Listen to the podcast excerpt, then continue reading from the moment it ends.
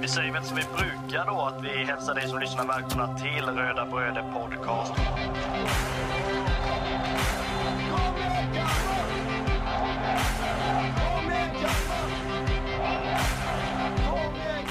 Vi är ju tre bröder som eh, driver en podcast som heter Röda Bröder Podcast. Eh, det är jag, Kristoffer Karlström, och det är min lillebror Marcus och min andra lillebror Andreas. Podcasten handlar bara om Kalmar FF.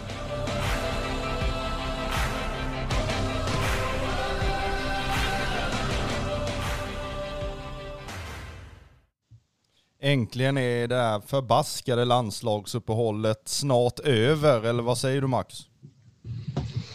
Ja, nej men det är, det är väl så. Jag har haft, alltså jag har väl alltid haft svårt när det gäller landslagsuppehåll, men det jag har extra svårt med är när man lägger ett landslagsuppehåll, alltså i liksom, ja jag vet inte, sista, sista tre matcherna eller sista fyra matcherna eller vad det nu blir. Jag såg någon hockeymatch för ett tag sedan där det liksom var alltså en powerbreak med två minuter kvar. Det är också så här lustigt. Jag menar varför, nej jag vet inte. Jag gillade de här förra uppehållen då det var hela juni var liksom off och sen är det liksom matcher ända fram in i november. Liksom. Jag vet inte. Oh, Nej, jag vet inte alls. Och nu, nu när landslaget ska ner i någon liksom C-division i Nations League eller vad det är och möta ja, hur hittar på länder höll jag på att säga, men alltså länder som inte har någon fotbollskultur överhuvudtaget. Då vet jag inte om man är intresserad överhuvudtaget av, av uppehåll. Men nej, som du säger, snart är det över. Ja, det är vi ju väldigt, väldigt glada för, eller jag är väldigt glad för det också. Eh, måndag, eh, måndag kväll är det ju och ehm, eh, vi laddar ju stenhårt inför ja, de fyra sista omgångarna helt enkelt med eh, Degerfors borta eh, som närmast och ehm, Ja, det, det är ju ett tag kvar till matchen men vi, vi försöker att, tugga igång det här sakta men säkert. Eh, upplägget inför dagens avsnitt är att vi ska, vi ska prata lite förväntningar, förhoppningar inför eh, avslutande omgångarna. Eh, vi ska prata om våra tankar kring eh, Degerfors borta, eh, våran bild av Degerfors. Eh, ska de Eh, alltså ser vi att de eh, stannar kvar eller är det tid för dem att, och åka ur allsvenskan? Eh, vi kommer dessutom att, att lägga lite tid på att diskutera den eh, startelva som vi hoppas att eh, Jensen ställer på benen på ehm, eh, Degerfors hemmaplan. Eh, sen dessutom så blev det ju ja, helt klart, eller han gjorde väl sina första arbetsdagar.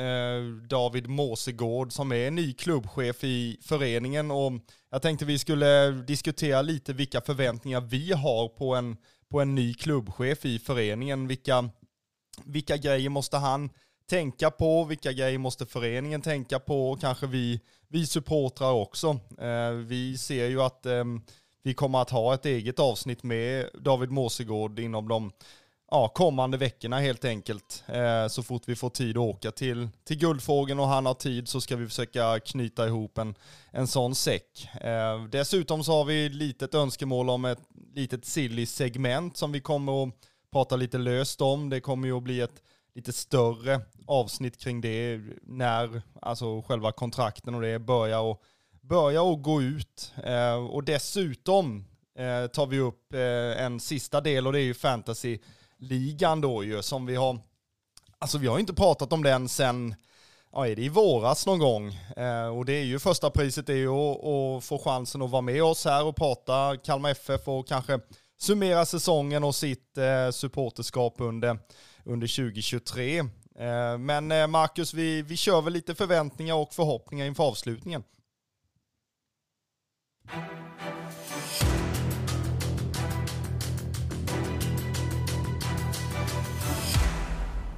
Jag låter väl eh, han som sitter i Växjö inleda med, med sina förhoppningar och förväntningar inför de avslutande omgångarna. Ja, nej. Eh, alltså det som känns i alla fall som att man vill, vill avsluta eh, säsongen 2023 med, det är väl mer att alltså man kan prata om prestationer och allting sånt där och process och sånt. Och det, på ett sätt så känner väl jag att man vill landa alltså den här säsongen nu. Jag har nästan sett vad den här säsongen har gett. Eh, en väldigt bra vår, en mindre bra mitt och sen nu då en förhoppningsvis en, en, en ganska bra höst. Eh, just för att Alltså nu är Kamikazeuppdraget nästan löst eller gjort för, för Henrik Jensen. Det var ju det här att men hur ska man kunna ta över efter Rydström och så vidare. Och nu känner jag väl att man har Alltså det är inte så att det har gått käpprätt åt andra hållet. Eller sådär. Vi ligger just nu på en sjätte plats. Skulle vi liksom hamna där någonstans mellan plats fem till plats åtta så har jag liksom inga större problem med det överhuvudtaget. Um, nu är det klart att man ligger, man ligger sju poäng eh, efter Djurgården på fjärde plats och samtidigt som man ändå är lite, lite väl nära alltså de som är lagen bakom. Men det är ju ett, eh, alltså ett fullständigt getingbo liksom ner till kval. Um, eller sådär. Där det bara, man är ju 12 poäng från kval, uh, om man nu ska vara sån, eller 9 poäng uh, från lagen precis över kval. Och, alltså det är väl jag hoppas väl på något sätt att jag vet att jag brukar tycka det är jobbigt det här med en process och allting. Jag vill ha resultat så ofta så fort som det bara går. Men när man väl ser nu hur, hur, liksom har, alltså hur säsongen har, har utvecklat sig och vad det är som väntar nu i slutet så är det väl klart att man, man känner, jag i alla fall känner att den här säsongen vill man nu landa i. Um, i alla fall så. Om man tittar att vi har Degerfors borta, vi har Värnamo hemma. I min värld liksom se, sex poäng, vi har Halmstad borta, kan lika väl bli nio poäng. Sen är det ju då Djurgården hemma. Eh, där det då kan, kan vara så att om Djurgården har chansen på en fjärde plats eh, eller sådär, så, det, så är det klart att eh, de kommer att alltså bunkra upp så mycket som det bara går inför den matchen och, och sådär. Så att eh, Nej, jag vet inte. Det är kortfattat svar kan jag väl säga att det är, man vill landa för en gångs skull och nästan, nästan få den här säsongen att, att ta slut så att man kan, kan börja upp inför nästa eller så. Eh, känner du att den här säsongen var en liten sån här mellansäsong då eller hur, hur tänker du då kring att, att landa och bli av med säsongen? Nej, alltså inte mellansäsong. Det är väl mer att, att jag känner att man, man var så himla orolig på ett sätt hur, hur det skulle gå. I alla fall media var, var väldigt oroliga. Um, så har ju Henrik Jensen nu visat att man förlorade alltså ett par av de bästa spelarna. Man har förlorat sin bästa spelare nu under sommaren, men ändå så lyckas man liksom hålla ihop det. Um, och jag har svårt att se att det blir liksom ett ras nu de här sista matcherna. Um, eller sådär. Sen är jag väl mer alltså, intresserad av hur, hur liksom kommer alltså, försäsongen att se ut. Vad har vi för spelare kvar liksom? När, när vi liksom går in i 2024? Och är det liksom Alltså så att det är totalt, alltså inte helt nytt lag, men många spelare som försvinner. Vi vet ju vilka som är på tapeten att att försvinna bort. Liksom, och sådär. Det har inte varit så mycket prat om spelare in, vilka man ska in och förstärka med, utan mer vilka är det som kommer försvinna. Ehm, och jag har väl på något sätt redan gått in i, i det tänket lite. Att ja, men vi har inte någon jättechans på liksom, eh, ja, vad ska man säga? på någon Europaplats liksom. Det är ju då den här eh, fjärdeplatsen som gör att man kan få alltså en Europaplats om nu då topp tre vinner kuppen. Ehm, um, sen var väl jag ganska nedkörd efter matchen mot Punic då, då jag kände liksom att ja, men vi skiter i det här nästa år, liksom fokuserar fullt på allsvenskan istället. Um, sen när det liksom inte är några nerver varken uppåt eller neråt, liksom inte uppåt på topp tre placering, inte neråt för någon liksom kval eller någonting. Så jag menar vi, jag vet inte, alltså det här håller säkert folk inte med mig om, men alltså vi har inget roligt kvar. Alltså egentligen. Det är ju klart att man inte vill, vill eh, alltså ligga på kvalplats neråt eller sådär, även om det ger en extrem spänning liksom. Men alltså nu har vi ju ingenting egentligen. Det är därför jag nästan känner att säsongen är ju typ slut. Ja, eh, alltså jag väljer att se det på kanske lite annorlunda sätt. Alltså man har ju möjlighet att, att eh, köra det här som fyra finaler och göra de här matcherna till alltså till roligare än vad de är, eller vad jag ska säga. Du kan ju gå in med inställning mot, mot Degerfors och, och hjälpa dem ner i superettan till exempel. Det vore ju en morot till exempel. Eh, sen har du ett, eh, ett Halmstad borta som, som också kämpar med, med näbbar och klor och, och där kan vi också vara med och, och förstöra och, och påverka lite också. Och sen Värnamo på hemmaplan, det är ett Smålandsderby, det borde man kunna hypa oavsett om det är alltså spänning uppåt eller neråt. Det är fortfarande liksom ett, ett Smålandslag och en rival som vi ska, vi ska spöa. Eh, och sen dessutom avslutningen på Guldfågeln, Djurgården hemma är ju, alltså det blir ju en, en stor match eh, trots att, eh, alltså, ja, oavsett om, om lagen har någonting att spela för så tror jag att man vill göra sista sista föreställningen till en eh, ja, trevlig tillställning och, och liksom kräma ur allt man har i, i sista omgången. Så att, sen kan man ju tänka att alltså, har man absolut ingen chans på en femte plats eller en alltså fjärde, femte plats eh, så, så tycker jag man kan fokusera lite då på nästa år, precis som du är inne på, att man man kanske spelar lite mer unga spelare, lite mer spelare som har framtiden i, i föreningen. Jag tänker närmast på Ville Nilsson och eh, Wilmer Andersson som eh, kritade på eh, kontrakt och, och kommer bli uppflyttade i, i A-laget. Eh, dessutom Ronny Jansson kanske ska ha lite mer speltid. Ehm, och det finns ju en kille, William Andersson, har ju också varit på, på bänken men inte fått göra någon allsvensk debut. Det vore upp, alltså en unik möjlighet att kanske göra det i, i ett Smålandsderby. Eh, till exempel, eller Halmstad borta eller sådär. Men jag tror väl att eh, alltså den ja, ultimata matchen vore ju Värnamo hemma och, och, när vi kanske leder eller ja, alltså för den delen från start med någon av dem eh, så att de får känna på lite hetluften. Ja, men sen är det också så att jag menar, det laget som nästan har de roligaste matcherna av de lagen som vi möter, eh, så är det väl ändå Värnamo. Liksom. Snacka om att ha, ha liksom satt alla toppmöten i slutet. Liksom. Man börjar ju nu i helgen att man möter Göteborg hemma, eh, som verkligen alltså, har kniven mot strupen fortfarande. Man möter ju sen oss då den 29. Sen möter man Hammarby hemma och sen avslutar man med AIK borta. Liksom. Det är ju inte så att de har tråkiga matcher. Sen är det väl mer Djurgården som har nu tycker väl inte Djurgården att det är så jävla mysigt att avsluta nere i, i mörkaste ostkusten kanske. Men de har ju Hammarby i helgen och sen har de BP borta och sen har de Sirius hemma och sen har de oss borta.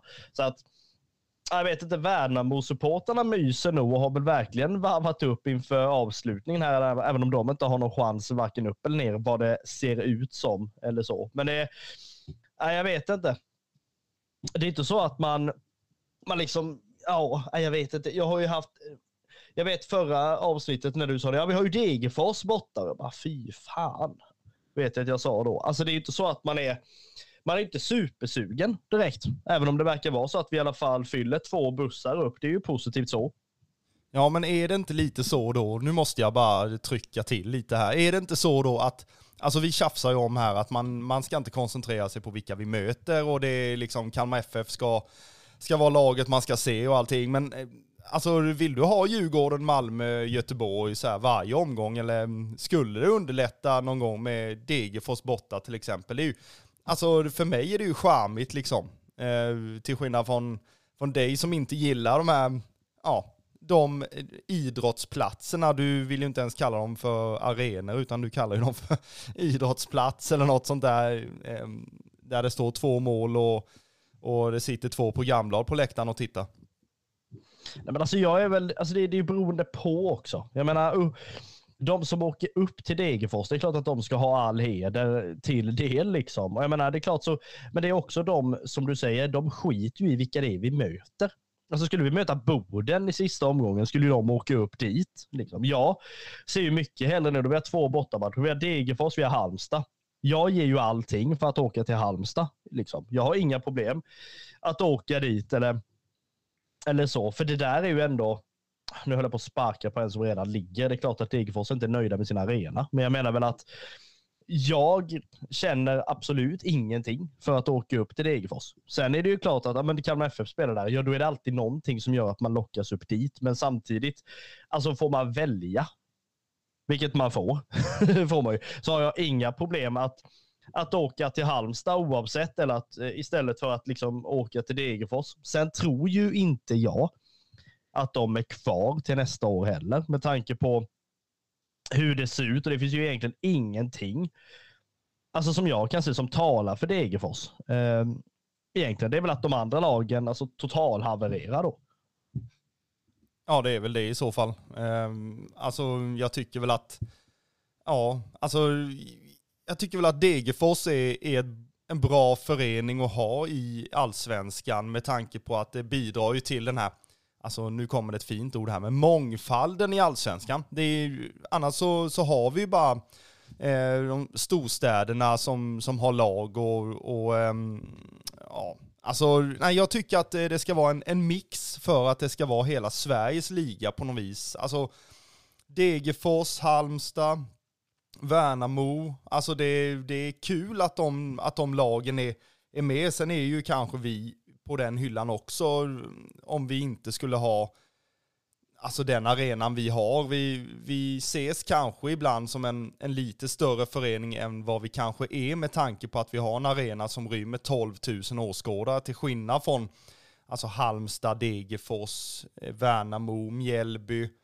ja de lagen. Så att eh, nej, jag, jag, tycker att det är viktigt. Sen är, sen är ju alltså de lagen vi får upp från superettan.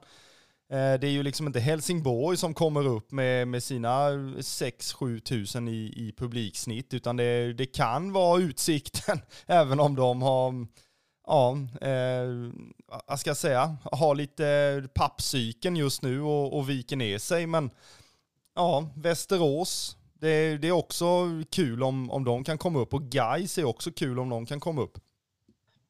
Alltså det är väl inga som säger emot att Gais ska åka upp egentligen, inte ens de i Göteborg, som då har klagat om att deras match mot Häcken inte är några riktiga derbyn. Liksom. Alltså då är det klart att Gais är ett lag som som absolut, alltså det, det, bidrar ju till någonting. Jag menar Västerås, de har ju visat sig ha en supporterkultur, hej och hå, och liksom Gais då naturligtvis också. Och sen är det ju utsikten då som, ja men alltså det är ju sånt bottennapp nu, jag vet inte vad. Alltså man, man har ju liksom, jag vet inte, kastat in bollar på egen hand mer eller mindre. Och nu är det ju kampen om, om kvalplatsen återigen mellan, mellan Utsikten och Öster då, vad det verkar som. Eh, sen lär ju inte Öster vinna det kvalet i alla fall. Men just på grund av alltså det här som du säger, hela Sveriges liga. Jag tycker det är så roligt också att man säger det när liksom ligan slutar i Uppsala. Men sen finns det ju inte så mycket lag över som liksom tar den här platsen då.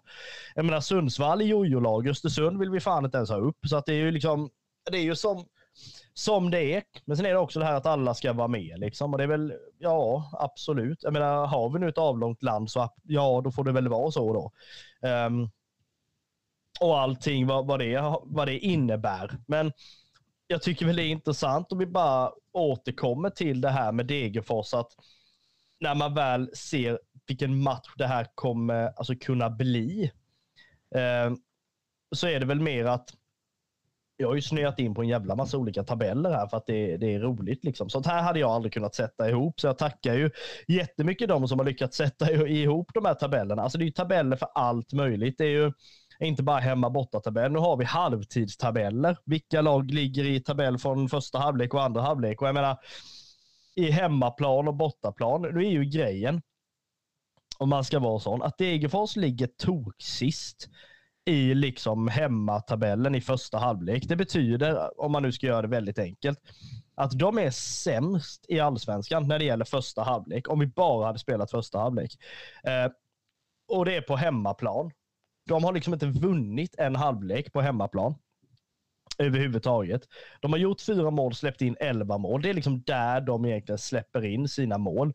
Tittar man sen då på andra halvlek, vilka ligger liksom, där ligger de på femte plats på hemmaplan. Det vill säga att de vinner oftast den andra halvleken. Och det är ju totalt tvärt emot vad fan vi gör.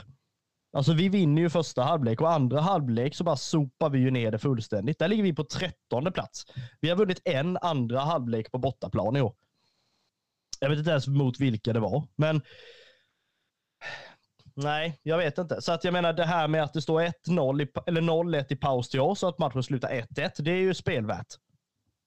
Ja, det är ju möjligt. Eh, även om man, alltså jag tycker att, eller det sa jag i förra avsnittet, att eh, jag har ju mer ångest inför Degerfors borta än vad jag har alltså storlagen hemma. Det, det kan jag ju säga. Med tanke på hur, hur det kanske såg ut mot Degerfors förra säsongen till exempel. Eh, ja, det, det, det var ju inte grant att titta på. Det, det kan jag ju säga. Och, och det är ju på det sättet man, man viker ner sig i den matchen mot ett Degerfors som bara alltså, ser sin chans när det kommer en, en kontring. När man har liksom vilat i ett försvarsspel i ja, alltså tio minuter och sen lyckas man få tag i bollen och sen så vänder spelet eh, och, och då så dunkar man dit den och då, alltså då är det ju så här, alltså vi har bollen hela tiden, vi flyttar den fram och tillbaka men vi kommer aldrig igenom det här, alltså den här julgransuppställningen 5-3-2 eller vad det är och den är ju,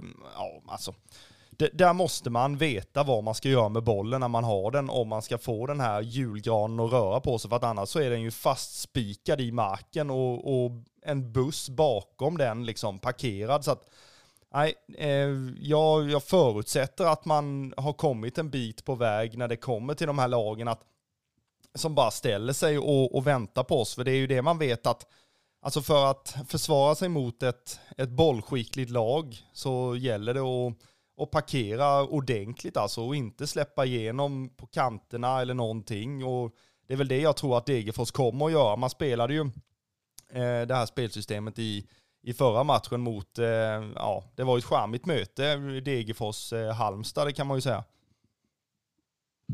Nej, eh, vet jag inte om jag tycker. Men det som är svårt med de här lagen då som ligger där de ligger. Alltså det är klart att de slåss ju för överlevnad fullständigt. Om nu BP vinner så spelar det ingen roll om Degerfors vinner för då ligger de ju ändå där de ligger. Med tanke på att de har så pissig målskillnad. Eh, och det är klart att de har väl också tröttnat. Alltså vi kan ju säga att vi ska spela fyra finaler nu. Alltså det är ju inget skämt att säga att Degerfors verkligen har fyra finaler. Men eftersom att Varberg ändå är ute så är det ju ingen som bryr sig om dem längre alls. Och då är det ju Degerfors och BP då som just nu är indragna i det här på riktigt. Och, och sådär. Så det är klart att det kommer ju inte bli särskilt lätt och Degerfors har ju oss på hemmaplan. Sen möter de Varberg då på bortaplan. Alltså det, det, det är ju, ja, motivera dig för den matchen. Sen har man Elfsborg på bortaplan och sen då så avslutar man hemma mot Mjällby. Alltså det är ju inte... Ja, det är ju inte en sån här snöre på tivoli, du vet vinst varje gång påse om jag säger så. Nej men det är ju en, eh, alltså det är ju publikfest efter publikfest, det måste man ju, måste man ju påstå eller? Degerfors Mjällby. Alltså det är frågan om, om nu Degerfors är ute redan till den matchen så är det frågan om det ens blir alltså fyrsiffrigt i den. Det kan bli en sån, i, i, om du höll på att säga, en IFK Kalmar-siffra. Ja, det är ju möjligt. Alltså i, i en sån match där man redan har åkt ut, alltså det är ju, ja, vad ska man jämföra det med? Det är väl att man, ja, man, man, man vet redan hur, hur eh, filmen ska sluta, men man måste liksom tvingas se igenom allt det här sorgliga ytterligare en gång och påminnas om att eh, ja, det är liksom sista gången ja, på något år eller två som vi, som vi spelar mot, mot det här motståndet och, och i allsvenskan och, och allting. Så att, nej, det, det blir nog inte publikfester eh, på det viset, men eh, det, alltså, jag är lite svag för de här matcherna där det blir mycket, mycket köttande och, och sånt där. Och man, när man är neutral åskådare och liksom skiter i, man vill bara titta lite. Eh, och, och då, Alltså det blir ju lite Championship-stämning på det viset ju. Alltså Degerfors-Mjällby. Det, det, på, på en höstplan. Det, ja, det kittlar lite va? Nej, det tycker jag inte att det gör. Alltså det är ju inte så att det är några jättematcher där det kittlar någonstans i sista omgången. Det är väl då vi mot Djurgården just för att det är alltså en toppmatch ändå. Um, sen är det väl egentligen då Malmö-Elfsborg. Jag menar alla lär ju titta på den matchen. Just för att det är väl där det kommer avgöras eh, egentligen. Eh, så att nej, jag vet inte. Det är, det, ja, det är som jag sa innan, det är nu det ska knytas ihop då, den här säcken. Och man får försöka hitta liksom små ljusglimtar och grejer. Men vad kan man, vad kan man liksom se som positivt eh, överhuvudtaget? Och det var ju som du sa det här att man, alltså om nu båda lagen är ute, alltså det inte finns någonting att spela för. Jag tror Patrik Westberg, våra, en av våra favoritkommentatorer som vi har pratat om innan, som för några år sedan kommenterade Halmstad mot, om det var AFC eller vilka det var. Båda var ute sista omgången.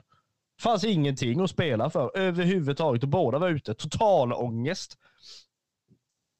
Jag menar, det var ju det svåraste uppdraget i världen att försöka engagera de tio som satt och kollade på den matchen.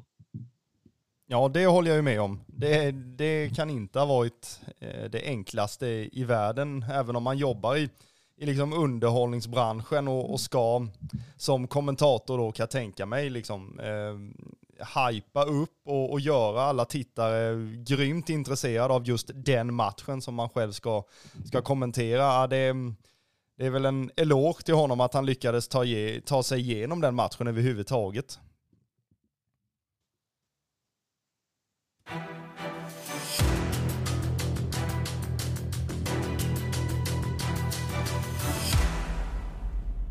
Men om vi fortsätter på förväntningarspåret. Eh, vi har ju pratat om våra förväntningar och förhoppningar inför, eh, inför avslutningen här eh, och kanske lite inför Degerfors också. Men om vi, om vi tar Degerfors borta som, alltså det kittlar inte jättemycket för dig, men, men för mig så, så gör det väl det lite mer i alla fall. Ehm, Ja, eh, kort och gott Degerfors, eh, de ligger ju näst sist, men de har ju tre poäng upp till kvalplatsen och det är väl den de den de siktar på. Eh, sen har de ju spelat det här 5-3-2 julgransuppställningen. Eh, och vi har ju pratat om att eh, det är liksom bra för mångfalden och, och sådär för att man ska kunna kalla allsvenskan för hela Sveriges liga. Att det ska vara blandat med storklubbar och lite mindre bruksklubbar. Ehm, jag personligen tror att de här kommer ju liksom kriga till sista minuten i i matchen mot oss. Ehm, de har ju ett tränarpar som, ja det är, det en månad sedan ungefär som de fick veta att de inte fick eh, fortsätta i, i Degerfors. Eh, du får rätta mig om jag har fel där. Ja, men eh, något sånt var det väl i alla fall. Eh, och det, ja, alltså det, det är också det där nu då, alltså Degerfors, de eh, alltså kan ju kämpa för att vara kvar i allsvenskan, men vet väl förmodligen inte vilken tränare de har. Eh, eller sådär. Och då är, det, då är det återigen det här att nästa år kommer bli att man börjar om oavsett med en ny tränare i allsvenskan eller med en ny tränare i superettan. Så det är klart att det kommer bli det kommer bli svårt, men eh, ja, de här tränarna som är nu, liksom, det är ju bokslut som gäller. Ja, bokslut kan man ju lugnt säga att det är med tanke på att det är två stycken föreningsmänniskor och legendarer i Degerfors. Om man pratar med, eller har läst och, och, och kollat kring Degerfors så är det ju två personer som, ja, som har brunnit och, och sådär för Degerfors och även spelat i, i föreningen också, vilket kanske gör det ännu ondare för dem att få, och få lämna. Eh, men alltså spontant så här, jag slänger ut den här, eh, är det liksom dags för dem att, att åka eller? Det, det känns som de har dansat på den här linan i, i några säsonger nu. Ja, nej, men det pratade man väl om att Varberg också var på väg ur. Liksom, att snart, eh, ja, alltså snart, snart måste liksom, eh, skeppet sjunka, liksom, oavsett hur mycket du öser. Um, sen är det väl egentligen så att Degerfors, de har ju, alltså det är väl i år egentligen de har presterat alltså väldigt skralt. Det är ju så, de har ju på något sätt alltid kunnat, men som du säger, dansat kvar i alla fall. Eh, av olika anledningar och sådär. Och sen, men sen nu då så har väl verkligheten på något sätt kommit ikapp och då, då blir det ju svårare.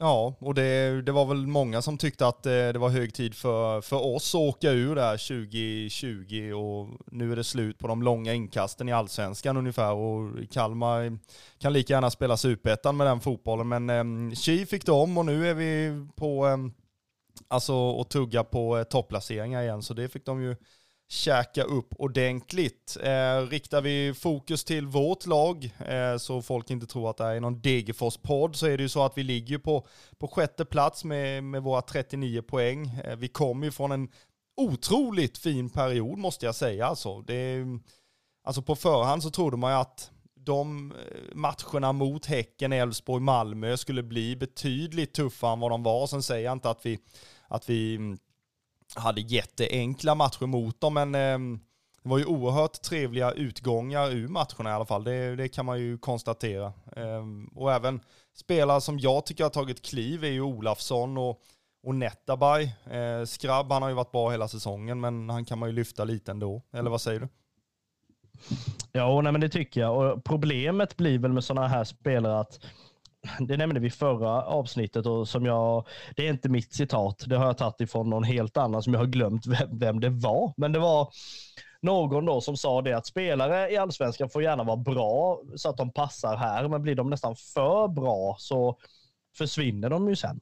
Um, och det är väl så nu att Skrabb, han har ju liksom visat under den här säsongen att det är liksom en farlig spelare samtidigt då som han nu då får ta ännu större roll efter att Mileta försvann och då är det ju klart att då syns han mer eh, på, i, i liksom det positiva då så här och då blir det ju inte lätt. Eh, du, du, ja, nu då är det ju liksom så en spelare som att nu får man återigen alltså ha de här spelarna som är att men skriv på då för fan. Det sa vi ju till Nisse Fröling för ett ett antal år sedan att han skulle skriva på. Man jagade verkligen att han skulle göra det och det gjorde man förra året med, med andra spelare eh, och det får man ju göra nu igen då. Ehm, sen är det klart att Alltså de här spelarna skiter ju fullständigt i om vi i en podd sitter och säger att de ska skriva på eller om en klack står och skriker att de ska skriva på. Jag menar, de, de bestämmer ju det här själva, men det är klart man kan ju tro att det spelar någon roll eh, om vi skulle stå där och liksom ropa till Skrabb att han ska förlänga. Men det, man kan ju få tro det.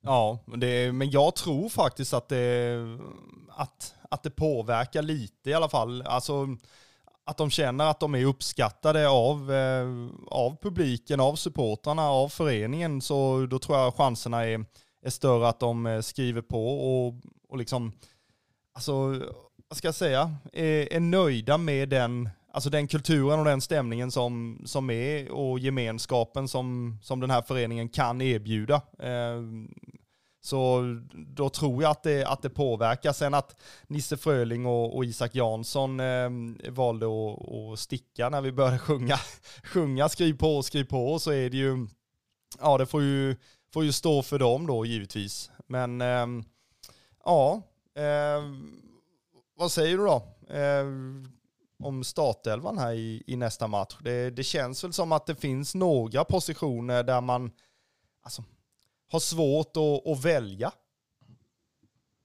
Ja, eller alltså sådär, det, det är väl just, alltså jag, jag, tycker väl nu att som liksom eh, matcherna är lagda nu i slutet och framförallt hur vi har haft start, uppställningarna de eh, senaste matcherna så är jag ganska så tillfreds med hur det liksom ser ut. Jag har inga större problem med att, att man låter antingen Hallberg eller Nettavaj alltså alternera med varandra då och sitta bänk någon av dem. Eh, dels för att vi inte vet eh, kring Hallberg hur liksom statusen är längre fram.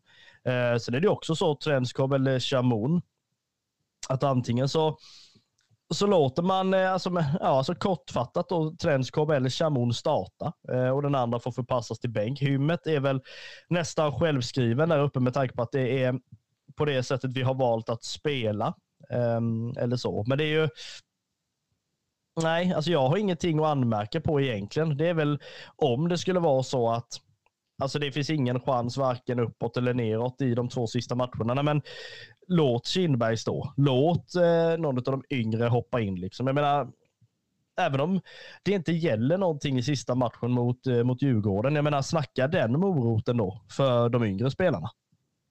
Ja, jag håller med. Och, och dessutom att, att man, alltså de får ju, alltså all speltid för de unga spelarna är ju, är ju en erfarenhet starkare. Eh, speciellt när man, när man är så pass ung och kanske inte har gjort sin allsvenska, allsvenska debut. Så ja, den betyder ju oerhört mycket. Och jag menar, jag var inne på att man skulle alltså kanske starta någon av eh, de uppflyttade i matchen mot Värnamo till exempel på, på hemmaplan där man Alltså när man känner arenan, man känner underlaget, man känner ståplatsen, alltså och, och liksom välkomnas in i A-truppen på något sätt i, i en hemmamatch tror jag snarare är bättre än att göra det kanske en grisig match i Halmstad så. Men eh, ja, alltså mina tankar kring, kring startelvan är väl att målvakt och, och försvar är ju intakt tycker jag. Eh, Karlsson fortsätter ju att göra det, gör det fint på sin högerbacksplats. Eh, sen tycker jag att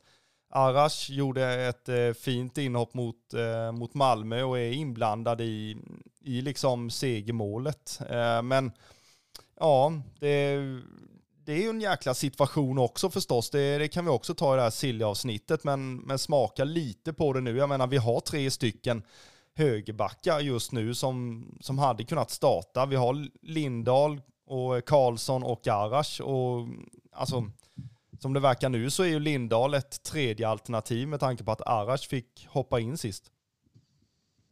Ja, nej, det är ju lyxproblem eh, som det kallas och sådär. Och det är, det är ju inte på alla positioner man har det så. Eh, jag menar, vi har ju alltid tjatat och klagat över hur, hur tunt vi har haft det liksom offensivt. Eh, och jag menar, nu är jag väldigt osäker på status sen på både Edvin Krona och Isak Bjärkebo när säsongen är slut. Men liksom då kommer de tillbaka, ja då har vi ju ett par som kan slåss där liksom. Ja men Kronas eh, kontrakt går ju ut eh, och eh, Bjärkebo har ju, han har ju avtal nästa år. Så att han, han lär väl återvända från Skövde. Nej, men då har vi ju det där liksom. Att, jag menar, i offensivt lär vi ju ha lyxproblem då också. Eh, nu säger jag inte liksom att eh, Edvin Krona ska gå alltså före hymmet på något sätt, men det är ju ett alternativ. Eh, och då, då har vi det lyxproblemet där. Eh, eller så. Men som du säger nu på högerbackspositionen, ja det är ju någonting som jag tror en, en erfaren tränare skulle kalla ett angenämt problem.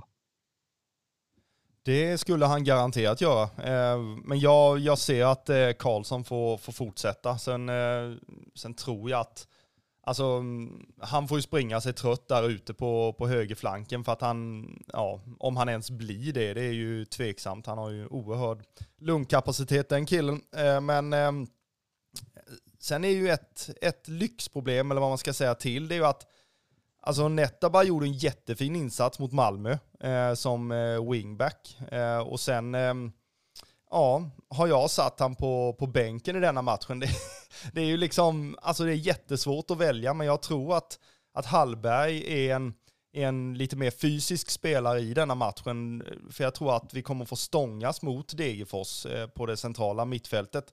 Ehm, och, och sen att Romario och Gojani får fortsätta det här otroligt fina samarbetet som de hade mot Malmö. Jag menar, Romario såg inte ut att vara 38 i den i den matchen. Eh, det var ju snarare så att de unga i Malmö liksom ville sparka ner honom för de inte hängde med.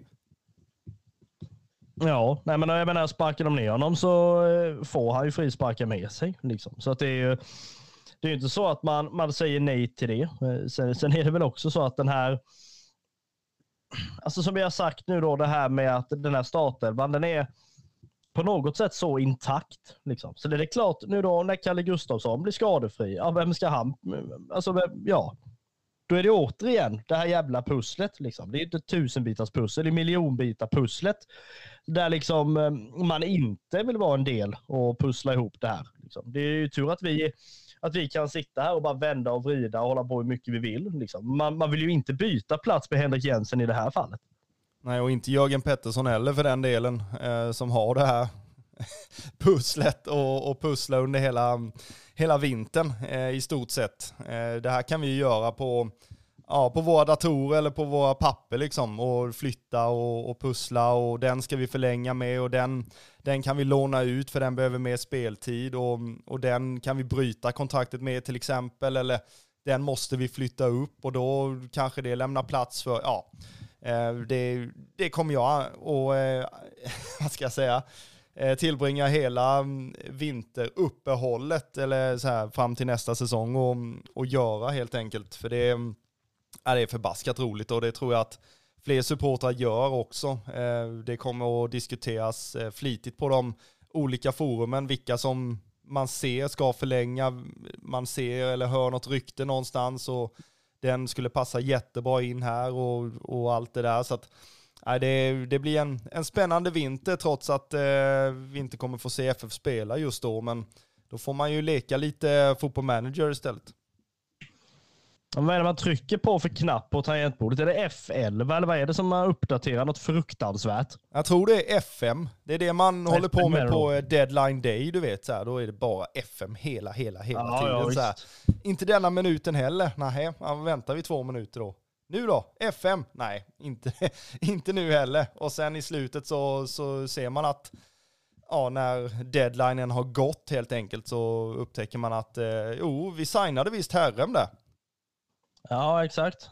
Men jag menar, det är ju det som är, är grejen också. Man kan ju sitta där och uppdatera bäst fan man vill och sen händer ingenting den kvällen, utan då ska liksom föreningarna och klubbarna vänta för det ska tas bilder och det ska göras intervjuer och det ska ringas till bildbyrån och fan vet allt. Och då liksom, då två dagar efter får man veta att det nog var färdigt. Så man sitter ju där helt i onödan eh, på deadline day i alla fall. Men här är ju då det här kommer bli ett intressant avsnitt det här med, med, med silly season, så det ska vi inte ta allt för mycket nu. Ehm, eller sådär. Men det, det är ju också så här, jag menar, det ryktas ju fram och tillbaka det här med att men nu måste en eh, optionsår eh, då med Friedrich då eh, aktiveras och hej och hå liksom. Eller så går han och sådär. Det är klart att det har ju varit prat om det länge, men nu börjar det ju ändå närma sig att ja, varvar han upp för alltså kommande föreningar eller är det liksom så att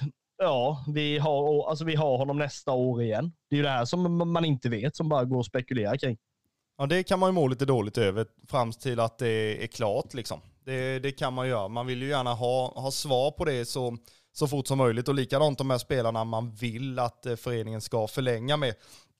Det är ju också någonting man vill ha, ha klart innan innan eh, deras kontrakt går ut helt enkelt. Eh, men eh, ja, alltså ska vi avsluta segmentet med Degerfors borta så alltså någonting säger ju mig att, och det är väl som att sparka in en öppen dörr givetvis, men, men vi kommer ju ha ett, ett bollinnehav på kanske, ja, om, om jag tar i med 80 procent, eller 70 i alla fall, så är ju inte det någon överdrift egentligen.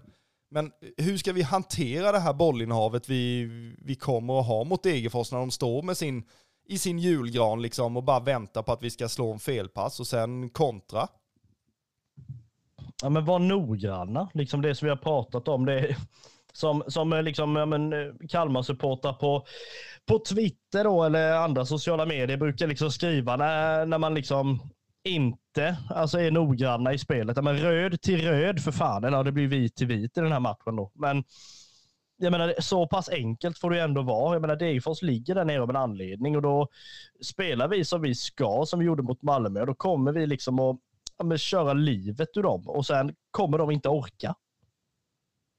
Nej, och jag tror lite mer på att alltså, de kommer ju bara vilja stå still helt enkelt. Så det, det är ju bara att se till så att alltså locka upp dem så att det blir luckor i deras, i deras uppställning. För någonstans så, alltså så kommer det att bli det. Jag menar, låt Sjöstedt och, och Sätra bolla mellan sig då fram till deras anfallare tröttna lite och, och tänker nu måste det fan hända någonting här och, och börja pressa och då måste deras mittfält flytta efter deras wingbacks likadant och då kommer det bli ytor och, och kanske speciellt på, på kanterna då om de vågar med sina wingbacks och, och komma upp lite så då har ju Simon Skrabb och, och Trenskov och sen så kommer Olafsson och sen kommer Karlsson på andra sidan eh, med löpningar bakom. Så det, det, är väl det jag skulle säga att eh, det kommer bli oerhört viktigt. För, för står vi och bollar som ett handbollsanfall där så då kan ju Degerfors bara mysa och sen så skapar de en hörna och sen så nickar de in den även om vi är starka på, på eh,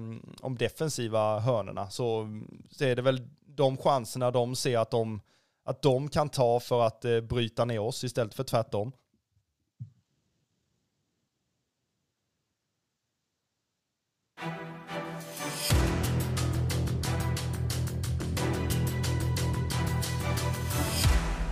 Jag pratade om att eh, vissa spelare hade tagit kliv här nu på slutet och, och eh, då är det ju så att en fokusspelare i, i eh, FF är ju Olafsson i mina ögon. Jag tycker att han, han stod för en grym insats mot Malmö och han syns ju inte speciellt mycket i matcherna men alltså det är väl när, om han har gjort ett misstag någon gång, då, då är det han man hackar på och då har han syns liksom. Men jag tycker att han, det är ett jäkla löpande på vänsterkanten och det är ett jäkla löpande, alltså på insidan också ibland. Jag menar när, när Nettavaj fick bollen ibland så drog han ju centralt och bara tog en, en, en djupledslöpning i, i den inre korridoren så att säga. Och då blev det ju livsfarligt för då vet ju inte motståndarna vem de ska sortera. Och här kom Olafsson i, eh, med älgakliv liksom. Och då, då får man ännu mer att titta på. Så att, ja, jag tror att eh, Olafsson, han, ja, han får gärna behålla det här.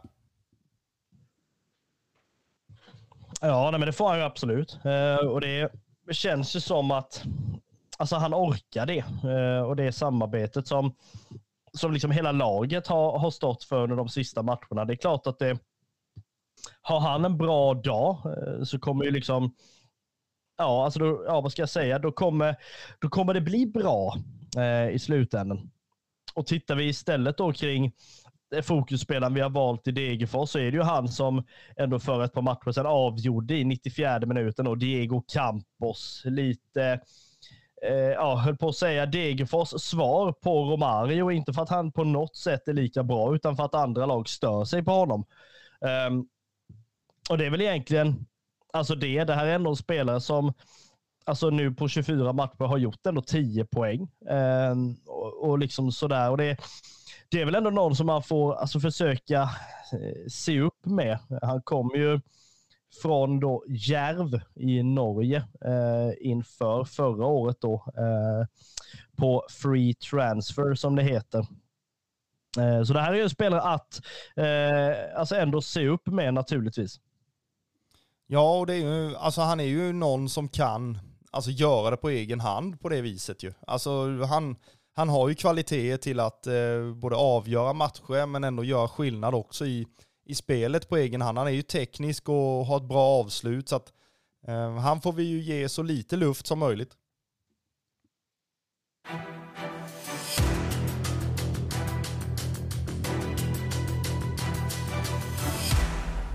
Innan vi ska prata lite Måsegård och lite fantasy så avslutar vi väl med att tippa tippa resultat va? Och jag har sagt 2-0 eh, till Kalmar FF. Vad säger du? Jag tänker väl på något sätt att jag ska försöka lita på någonting som man har läst sig till eh, den här gången och inte bara försöka tänka med hjärtat eller vad man säger. Och jag tror väl på något sätt att vi Degerfors kommer komma ut ändå på ett sätt och veta att det är kniven mot strupen och då kan man liksom inte inte på något sätt ge bort en seger eh, till Kalmar FF. Då, jag tror dessvärre att vi hamnar i 1-1 eh, när matchen är slut. Ja, för att vi inte har lärt oss att, att bryta ner lågt stående försvar, eller hur tänker du då? Nej, för att vi gör ett mål och de gör ett mål. Om jag ska säga dumt svar. ja, det var både, ja det var, det var väldigt tydligt. Eh, men eh, vad säger vi, ska vi prata lite ny klubbchef då va?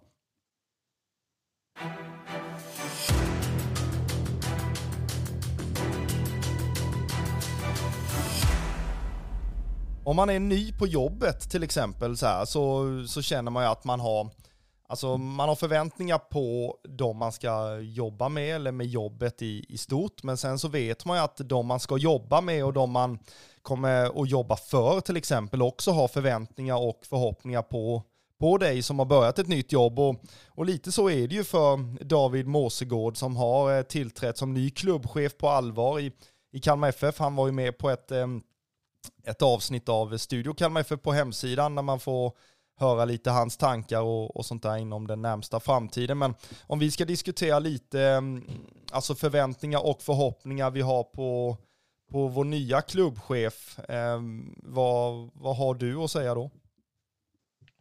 Alltså någonting man ändå vill, eh, alltså vill veta av, eller vad man säger, är väl att det ska liksom inte på något sätt alltså petas för mycket bara för att. Alltså det är klart att man kan, man kan vara alltså sugen på på att liksom ändra bara för ändrandets skull för att nu ska folk fatta att det är någon ny, ny liksom, ja, men herre i huset. Men jag kan, jag kan också känna att det som ändå har funkat hittills, alltså fortsätt med det och det som alltså inte har funkat, jag menar det som folk ändå klagar på. Jag menar köer till kiosker, kioskutbud och alla möjliga sådana grejer. Liksom, det är ju så att man ändå kan, kan ta åt sig av och liksom utveckla. Eh, så att det inte bara blir, ja vad ska jag säga, att man att man ska ändra bara för att, eh, precis som jag sa innan. Sen är det ju, det här är en väldigt intressant eh, alltså människa som vi ska träffa sen eh, och göra en riktig längre intervju med. Eh, för supportarnas räkning då. Eh, nu vet jag att det är precis som du sa, han var ju med i Studio Kalmar, eh, lokalpressen har gjort eh, sitt jobb och så vidare också. Men det är klart att man är ju intresserad av liksom, vem är det som ska alltså ändå driva Alltså det, det som inte har så mycket med sporten att göra. Liksom nu är ju ett fotbollslag och en fotbollsförening är ju så pass mycket mer än det som händer innanför, innanför planen. Um, och liksom sådär. Hur vill man marknadsföra Kalmar FF? Hur vill man göra för att nå ut till fler? Um, och så vidare. Liksom. Vad vill man ha innan matcherna? Vill man ha lite där som många påstår, liksom jippo-grejer utanför med ansiktsmålningar och alla möjliga grejer? Eller vill man försöka på något sätt att bara fokusera på det som det som har med fotbollen att göra. Eh, eller så. Så att det, det är ju intressant eh, på så sätt och jag är väl med den som känner att, alltså precis som jag sa innan, att man vill som supporter att det som funkar ska liksom, låt det vara och det som inte har fungerat eller det som väldigt många ropar efter, alltså ta åt, ta åt sig av det och liksom försöka utveckla det för att ändå visa att det är en förening som man, man vill driva alltså indirekt tillsammans. Liksom.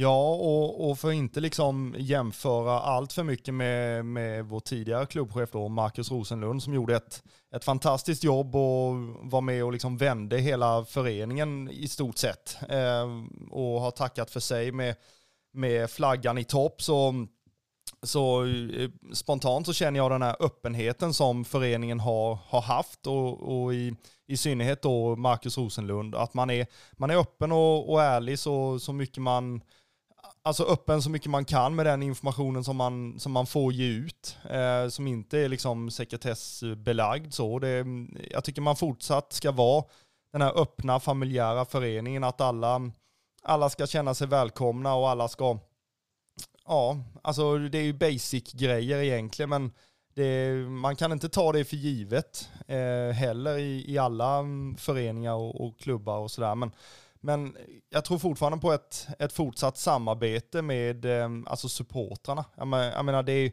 det är supportrarna som är föreningen eh, i, i det stora. Jag menar, det var som jag sa förra avsnittet att spelare och ledare och, och sådär, de kommer och går i en förening, men supportrarna står alltid kvar oavsett. Eh, och, och, lite så är det och lite så måste man tänka också. Eh, sen hoppas jag att man, att man fortsätter på, på den vägen som, som Marcus eh, stakade ut med en, en trygg ekonomi, en, eh, en akademi också då som som ska fortsätta och eh, ja, förmedla, höll jag på att säga, men, men ta upp eh, spelare till A-truppen som vi sen kan eh, ja, göra fina pengar på när de har blommat ut till att bli fina allsvenska spelare. Så han har ju ett, ett eh, väldigt ett väldigt jobb framför sig. Eh, och sen tror jag väl att förväntningarna får väl vara att han får känna in föreningen och, och lära känna alla, mm, alltså alla parter i, i föreningen. Jag menar sina nya kollegor till exempel, ehm, alla supportrar, eh, även om man inte kan träffa en, en och en så, men eh, supportunionen till exempel, det samarbetet är ju, är ju otroligt viktigt. Eh, dels för den, den fina ståplatskulturen vi har till exempel, men också inramningen på arenan. Och sen partners, sponsorer och, och medlemmar, det är klart att det måste få ta den tiden också. Jag tror att han, han har väl Alltså han har ju hösten och, och vintern på sig och, och, verkligen sätta sig in och, ordentligt för att sen till våren då nästa säsong eh, börja jobba på, på riktigt eller vad jag ska säga. Ja, och det som ändå känns bra måste man ju ändå påstå, det är ju att det här är en människa som har följt föreningen, eh, alltså sen man var liten. Det är i princip som att man sätter in en supporter eh, på kontoret och det tycker jag är väldigt, väldigt viktigt, för det är klart att att vara klubbchef är liksom fortfarande ett jobb, det är en verksamhet som ska bedrivas. Eh, och det är klart att det kommer bli, bli både lätta och svåra beslut, men samtidigt kan man ju, alltså på ett dumt sätt, Alltså sätta in bara någon form av företagare som ska driva det som ett företag och då kommer det bli noll alltså hjärta i det om man nu är fotbollsintresserad. Liksom. Då skulle man ju lika gärna kunna alltså bara satsa på ja, men, sponsorer, bara satsa på liksom hur fint det ska vara i restaurangen och allting sånt. Men och jag menar göra hela arenan till en sittplats arena och allt möjligt sånt liksom. Och, men det här är ändå ett,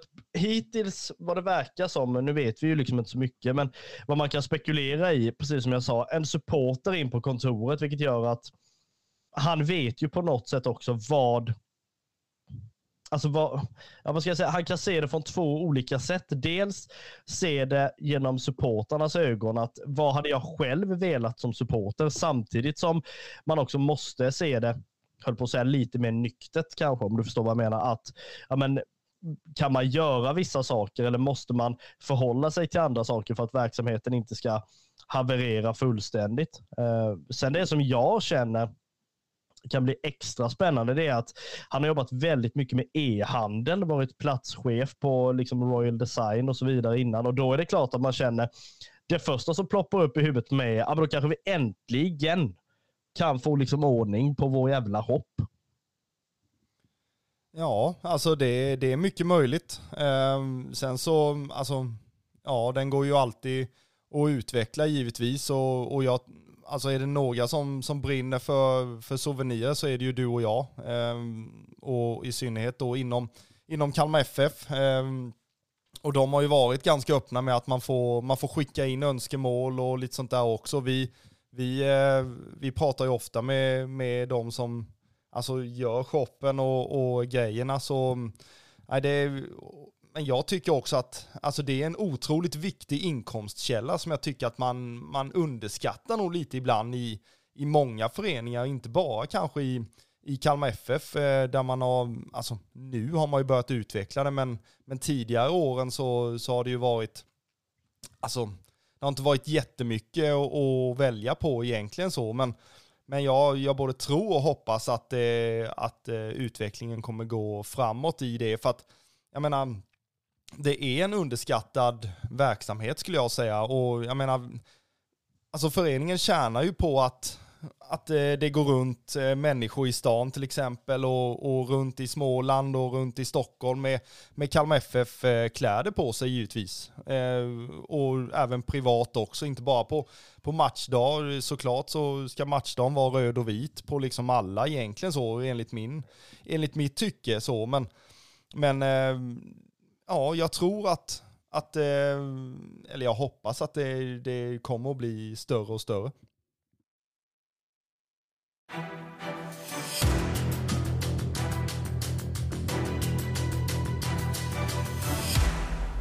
Men som vi har varit inne på då så, så har vi både förväntningar och förhoppningar på vår nya klubbchef och, och vi kommer ju försöka boka in ett, eh, ett samtal och ett avsnitt med, med David Måsegård inom de, inom de kommande veckorna. Eh, så att vi får sitta ner och, och prata med han och, och se vad som, vad som rör sig i hans huvud och, och prata lite eh, alltså, kring supporterfrågor och, och annat så. Ehm, men nu kommer vi ju till en, en punkt som är, ja, för mig i alla fall som, som ligger bakom dig i den här tabellen så är det väl inte så jätteintressant, men det kan ju vara intressant för dem som, som ligger topp tre i vår fina fantasyliga.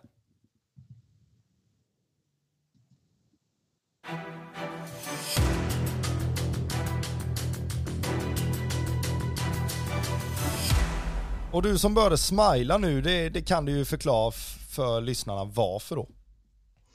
Ja, det vet jag knappt själv höll jag på att säga. Jag hade ju en, en liksom, eh, ja, vad heter det?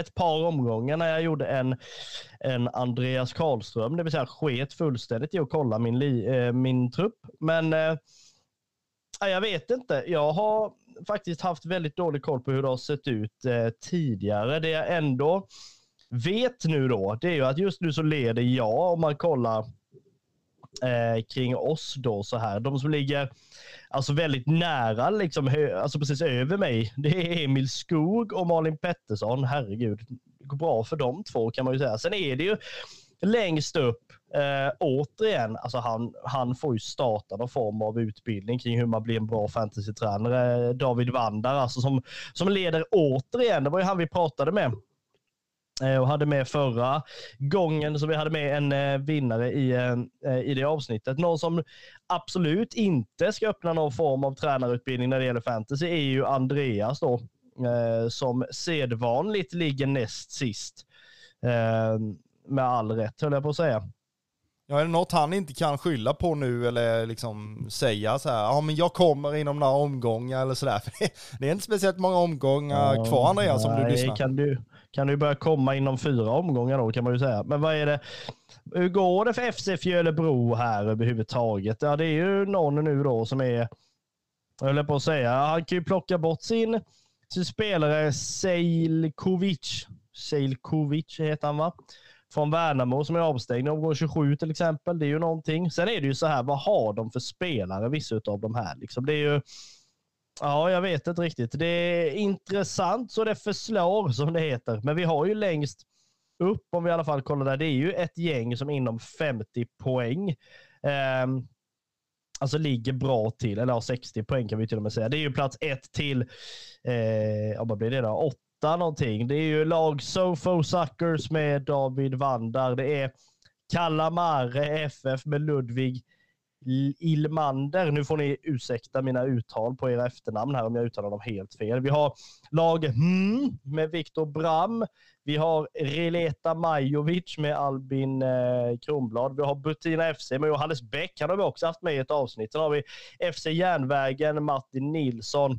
Götessons Pågar med Robin Götesson och Guldfågeln med Antonia Svensson. Eh, och sen är det ju Albin, eh, våran eh, krönikör Bramstedt, Kalmar, Kalmar, IFIF. Otroligt fina lagnamn måste jag säga. Alltså jag har ju alltid problem med att, mm, alltså när man ska döpa sitt, sitt fantasylag så är det ju, alltså alla är så eh, påhittiga och allt möjligt. Jag menar, alltså jag har inte en chans att komma på så roliga namn. Så att det blir liksom Ljusstaden FF, det är liksom inte roligare än så. Men jag försöker komma på något av det dummaste jag kan komma på. Vad har jag haft för namn innan? Hattrick heter mitt lag nu. Vad har jag haft innan? Polkagris BK hade jag något år. Alltså det är eh, bara det. Alltså åk ut, titta bara. Vad är närmsta skylten som kommer liksom? Och så bara ta det namnet. Ja, jag får väl göra det helt enkelt. Eh, visa ord från en eh, ja, ovis lillebo får man väl säga då.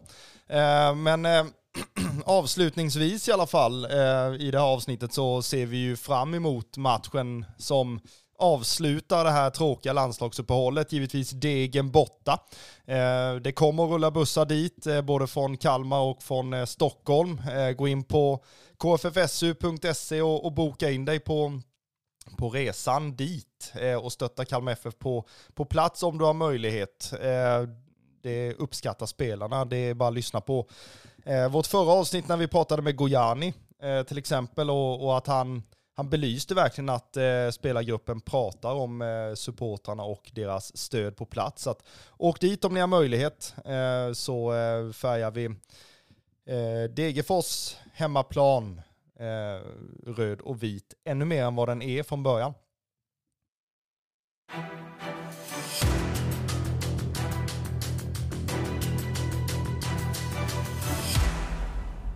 Sammanfattningsvis, vi har pratat eh, förväntningar, förhoppningar om både avslutningen, degen borta och vår eh, kära nya klubbchef David Måsegård. Ehm, även eh, att vi har hypat upp den matchen som Marcus inte är jättetaggad på, degen borta, att man ska åka dit Eh, och stötta Kalmar FF på plats. Eh, vi hoppas att det blir en segerpodd i nästa avsnitt och vi tackar er som har, har lyssnat och följer oss på de sociala medierna så hörs vi under nästa vecka. Eh, Koffe och Marcus tackar och hälsar så länge.